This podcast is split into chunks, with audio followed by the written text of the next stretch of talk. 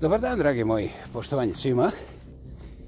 159, 159. podcast Slama sa vama, samoproglašeni lingvistički aktivista, monumentalno autentični, ja pa jako bi drugi, Vladimir Kreća sa predivnih stinovitih planina.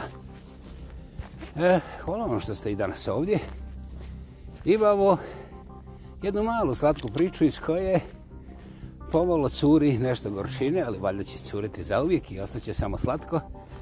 A sve počinje sa jednim ozbiljnim pitanjem za koje vas ja molim da se skoncentrirate, nije ništa komplicirano, ali da budete iskreni sa sobom jer provjere neće biti, zapravo ovo dajete sebi. Recimo, izlazite na ulicu, negdje u nekom posebno velikom gradu i to gradu koji volite, šetate. I nemate jezičnih problema da razumijete svako koji hoće nešto da vam kaže.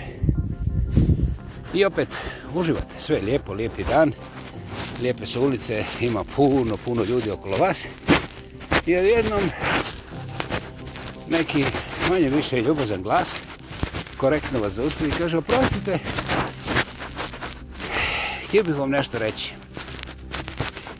Ne možete, ok, no problemo. Ovaj, I ta osoba koja vam ima nešto reći, pogleda vas ravno u lice i kaže, znate šta, ja smatram da vaša diploma ne vrijedi ni 5 centi, a pošteno govorit ne vjerujem ni da znate o kakvoj diplomi govorim, jer moj je zaključak da vaša inteligencija nije baš na nivou nekakve diplome. Hvala, doviđenja. I ode čovjek isto kao što se pojavio. Ok, ovo je vrlo važno pitanje za koje bih ja volio da ga sebi ponovite ponovo i da promatrate kako reagira vaš stomak, vilice, dobro, možda i noževi, ne savjetujem, to je onda doista hm, ono, preko svake mjere, ali razmislite. Tamo neka osoba je rekla usred milijonskog grada da vaša diploma ne vrijedi. I sad, šta ćete vi učiniti? Pa, prije svega, taj konkretan slučaj se doista rijetko dešava zbog nekih razloga koje ja ne mogu objasniti, ali i neću, jer mi je nekako stvar, kako da kažem, jasna, krasna i ono, prođeš, evo vidiš, nakon jedne minute ne znaš ni šta se desilo, pošteno govoreći. Međutim, postoji nešto drugo. Ista takva stvar, kada nam bude malo loše. Mi se ne nalazimo u svojoj zemlji, u svome gradu i imamo nekakvu slabost i mučinost, nismo spavali i čisto plašeći se da stvar ne ode izvan kontrole, preventivno svratimo u prvu javnu kliniku, jer eto imamo i to travelers osiguranje i da nas profesionalno doktor malo pogleda šta je to, je li to samo neka prolazna, prolazna slabost ili nešto što bi moglo biti ozbiljnije, pa da onda prekidamo put. I vi uđete kod tog liječnika u laboratoriju. Dobar dan, dobar dan. Ja bih ovo, ok. Koji su simptomi? Vi ispričate priču, o, ne može to brez laboratorija. Molim vas, idite ovdje, vi ćete ići preko reda. Dobro, možda će biti malo skuplje, ali doista u ovakvim situacijama vaši simptomi jednostavno nalažu da provjerimo krvnu sliku jer kako stvari stoje ja se nadam da je sve u redu ali može biti vrlo vrlo neugodno ukoliko na vrijeme ne reagiramo dakle najzbiljnije laboratorijska pretraga kompletna odmah evo vam ovdje sve upute, papiri. Molim vas, učinite to i mi ćemo vas zvati jer će nam laboratorija to poslati automatski. Nemojte nigdje putovati, nemojte danas ništa planirati. Ne preopterećujte se. Sutra ćemo vam reći sve. Super! I vam već nekako lakše jeste razgovarali sa profesionalcem u jednoj vrlo lijepo opremljenoj klinici koji vam je objasnio da ste vi upravo pametno postupili jer ste sve te simptome htjeli da vidite sa profesionalcem šta znače i profesionalac je odgovorno usvrdio da tu mogu biti i opasni simptomi nečega što ne znamo bez laboratorijske pretrage. Super! I šta se desi? vi dođete sutradan u njegov ofis ponovo i sada on ide redom i objašnjava od ovog broja do ovog broja je normalno, vaš broj je ovdje. Od ovog broja do ovog broja je normalno, vaš broj je ovdje. Suma sumarum, od nekih desetak tih brojeva, vaši su u manje od polovice normalni. Ispada da bi vas trebalo odmah staviti u bolnički krevet i liječiti od nečega što još uvijek nije dobilo svoje ime. I doktor onda produžava priču koja postaje sve ozbiljnija. Naravno, vaš tlak raste, vi ste sve zabrinutiji i već na pola toga razgovora vama je više nego jasno da vaš godišnji odmr neće baš vidjeti previše lijepih dana učiniti ovaj put. I nakon vrlo kompleksne priče odmiravanja, premiravanja, preprišavanja i ponovnog pregledavanja, i vi i vaš doktor zaključujete da ako ikako možete, evo uzmite ove lijekove, nije, nije puno, 4, 5, 6, 7 različitih, možda 8, i ovaj, odmah se vratite da bi vaš liječnik mogao početi a, detaljnije pretlorege, jer ovo je ovaj prvi val pretraga koje su pokazale veliku ozbiljnost i zahtjevnost da vaš personalni riječnik zagrebe malo dublje jer postoje indikacije da se radi o vrlo ozbiljnom slučaju. Prekidate godišnji odmor i normalno prvim avionom se vraćate doma i onda prvim taksijem ravno kod svoga liječnika, kod svog familijarnog liječnika. Donosite papire i vaš personalni familijarni liječnik kaže hey, hm, drago mi da vas vidim, bilo je vrijeme. Ove godine kasnite na svoj godišnji pregled samo šest mjeseci, ali to je dobro. Lijepo izgledate, malo ste zadihani kao umorni. Šta se dešava?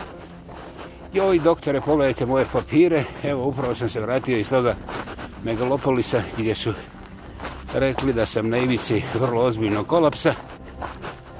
Bilo mi je slabo, sad mi baš i nije slabo, ali kad pomislim onda mi je dva put slabije nego što mi je bilo slabo.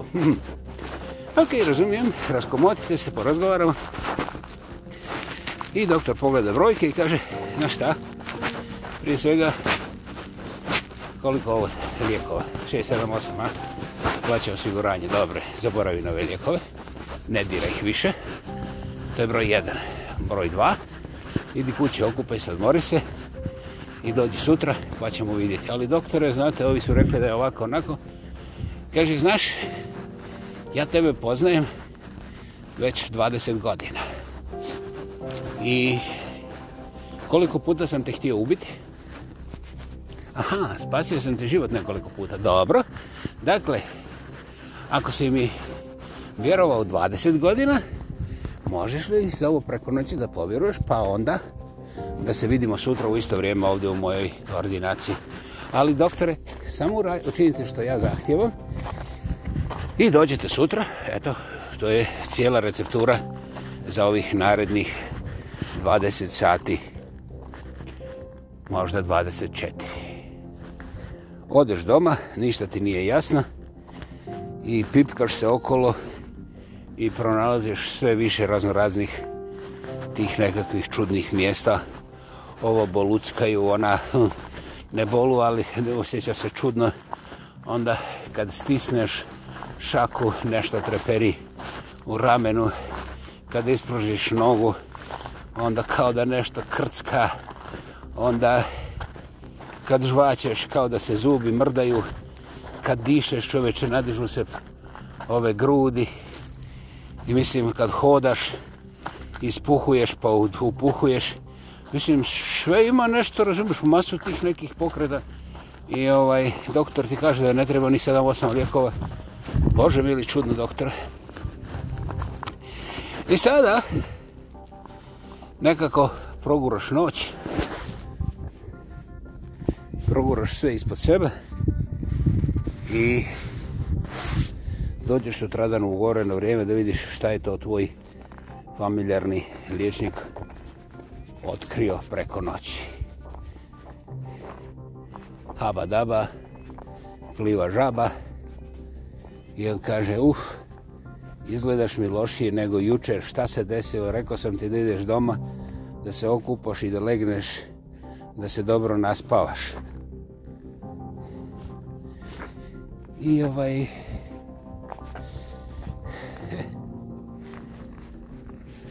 Glediš, nije ti jasno da li treba mijenjati liječnika. Ovaj, sad si već bijesan kako ovaj liječnik ovdje, moj, zna više od onoga velegradskog, mislim šta mu je, kakve igre igra sa mnom. I ne primitiš da je prošlo minut vremena kako ti razmišljaš, a doktor očekuje tvoj odgovor.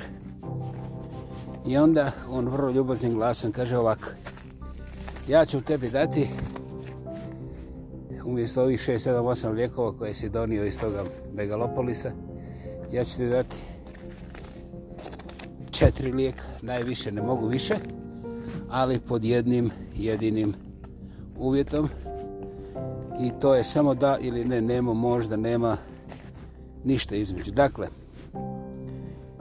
ja ću ti prepisati četiri lijeka za koje ja smatram da će učiniti čudo za tebe, ali ja hoću sada da ideš kući, da se okupaš i dva dana, znači 48 sati, da se odmoriš, da se opustiš, da ne razmišljaš ni o kakvim problemima i onda za dva dana ovdje na istom mjestu da se sretnemo, da vidimo koji je sljedeći korak. Znači da ili ne, nema rasprave ovaj, sad već nema smisla raspravljati jer je da ili ne i malo udati da se pogutaš da priputa k nebu koje nema u duzu nego samo u duši i sve i lijeka od mog liječnika koji nikad nije propisao nikakav lijek koji nije radio sa mnom nikad mi nije radio ništa na vas čovječak čovječak Jeste onaj tamo ubjedljivo, onaj velegradski, ali ovo je moj liječnik koji nikad nije pogrešio i tako 20, preko 20 godina, dakle, hajde probam i ovaj put, pa ako bilo šta bude drmucao više, mijenjam i porodičnog liječnika. I normalno kažeš da, ne baš previše sretan i odeš doma. To je sada već vrlo interesantan slučaj. i odeš doma i nemate nemate i onda nekako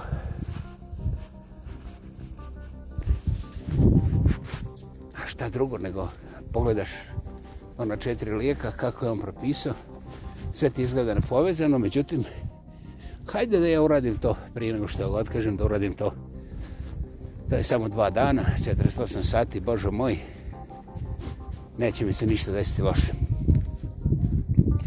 I jednostavno odeš, otuširaš se u krevet, pa se naspavaš, pa prespavaš noć, pa se ujutro probudiš svjež, pa već kao da nema ništa, ali vidiš ima tamo onih lijekova, ajde, skloni ovih 5, 6, 7, 8, pa stavi ove, ovi četiri ovih novih i tako dalje. I eto,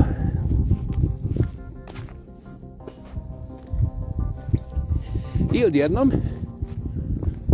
povratio ti se apetit, sve je u redu. I sada drugo večer, izađeš čak malo vani, prošitaš, vratiš se kući, opet lijepo tuširanje, spavanje na vrijeme, prespavaš predivnu, predivnu noć. Sutradan, vesel čio, probudiš se i usput. Znaš da tvoj doktor voli kaficu, pa kupiš kaficu, poneseš kaficu i ideš raspoložen tamo i kaže doktor, he, he, he, he, to sam očekivao, drago mi je, dobrodošao. Ne moram pitati kako se osjećaš, izgleda da je strašno loše, jel? je, doktore, strašno je loše ne biti u onom stanju u kome sam bio zadnjih 4-5 dana.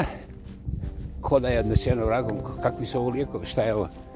Kaže, pa kako pogledaš malo bolje, vidit ćeš što su samo ove šećeruše, znači obični slatkiši koji su pakirani tako za hipohondre i njima slične.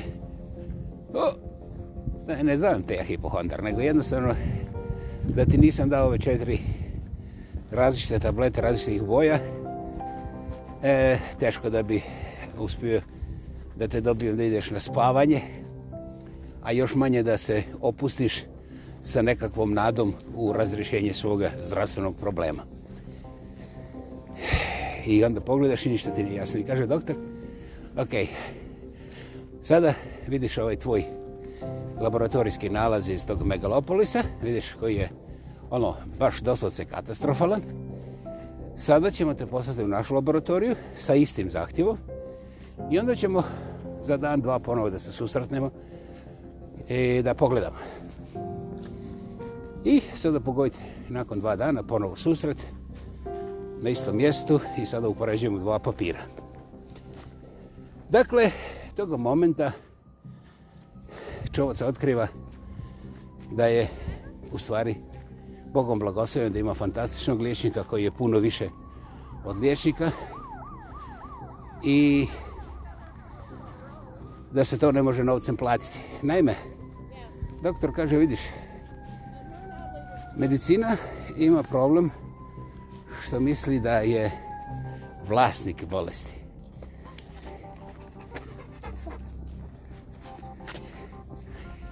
I oni rade to kao proizvodnju automobila. Znači, od ovog broja do ovoga broja ti imaš takvu bolest. I od ovih 27 kemijskih rješenja, znači tih nekih tableta, tablete za injekcije i šta je znam šega sve ne, E, mi ćemo ti dati 3-4. Odavde samo 3-4. Onda ćeš ti raditi ovo i ono i onda ćeš ozdraviti i bit ćeš potpuno nov. I kaže taj lijepi blagosljeni doktor, kaže, ja sam puno dragih ljudi poslao na takve um, sisteme liječenja i nije mi trebao niko objasniti da je najvećim dijelom bio problem upravo u takvom shvatanju bolesti, a onda i toga što mi volimo nazvati liječenjem. Dakle, tu sam otkrio da medicina zna puno stvari o puno toga, međutim, jednu osnovnu stvar ne samo da ne zna, nego ne želi da je zna, a to je je da brojke nisu apsolutne, da je čovjek u svakog momentu živ organizam koji se kreće u najrazličitijim pravcima i u najrazličitijim domenima i da mi nemamo uvid u sve dimenzije kretanja našeg tijela, time zdravlja, energija i svega drugog što čini čovjeka. I ako tumačimo stvari prema brojkama, onda postoje situacije kad trebamo čovjeka jednostavno da eliminiramo, da ga ubijemo kada dođe iz laboratorije 10 negativnih, jer to je onda neće preživjeti nikoliko nekoliko sati. A ipak u praksi se pokazuje da i takvi slučajevi ne samo da prežive, nego su nakon nekog kraćeg vremena potpuno zdravi, a razlog je često puta ulazak u neku zagađenu sredinu, recimo zagađen zrak ili jednostavno popije se nekakva tekućina recimo nekakva zagađena voda ili nešto od toga i onda na vrhuncu te slabosti tijelo pokazuje sve ove katastrofične rezultate koji onako jednostavno govore hej, ovaj čovjek je mrtav to što se šeta zaboravi ukokaj ga dobro, to nije zapisano nije kontra zakona, ali eto tako se neki ponašaju ono što sam ja naučio kada izgledaju stvari katastrofično je da pogledam šta se tu doista dešava.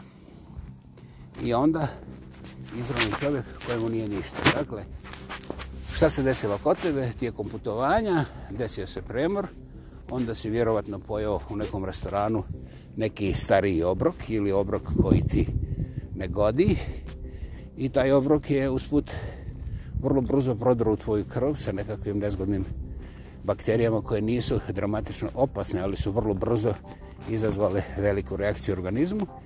I ti si u nekom periodu od 2-3 sata poslije toga već bio na laboratoriji koja je doista korektno zabilježila sve te zastrašujuće brojke stanja tvoje krvi, a time tvoga zdravlja.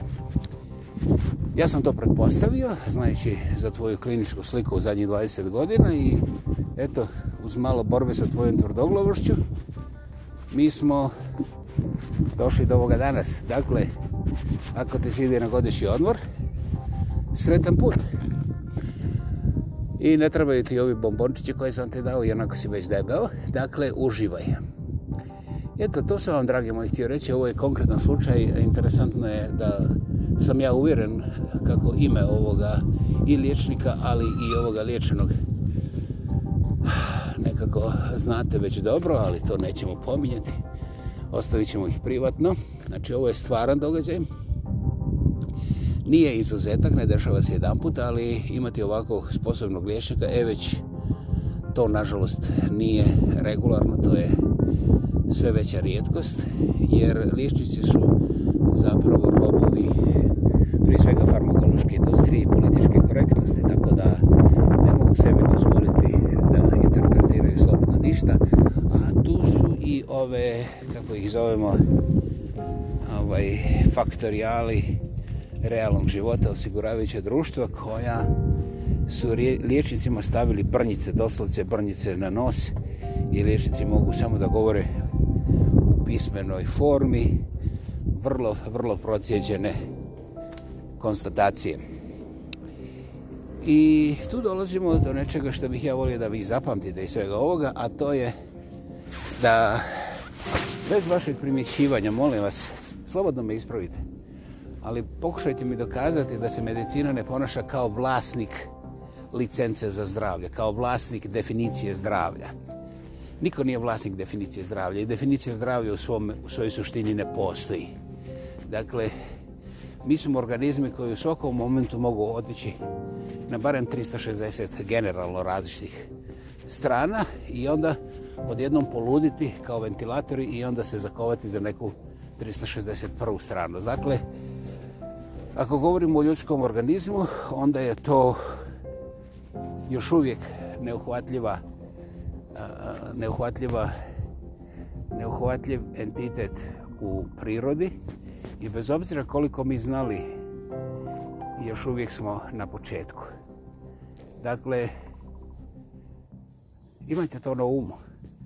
Poštujte svoje liječnike, ali imajte na umu da su oni zakočeni mnogim, mnogim zakonima koji nemaju veze sa njihovim liječničkim sposobnostima i oni vam ne mogu reći sve.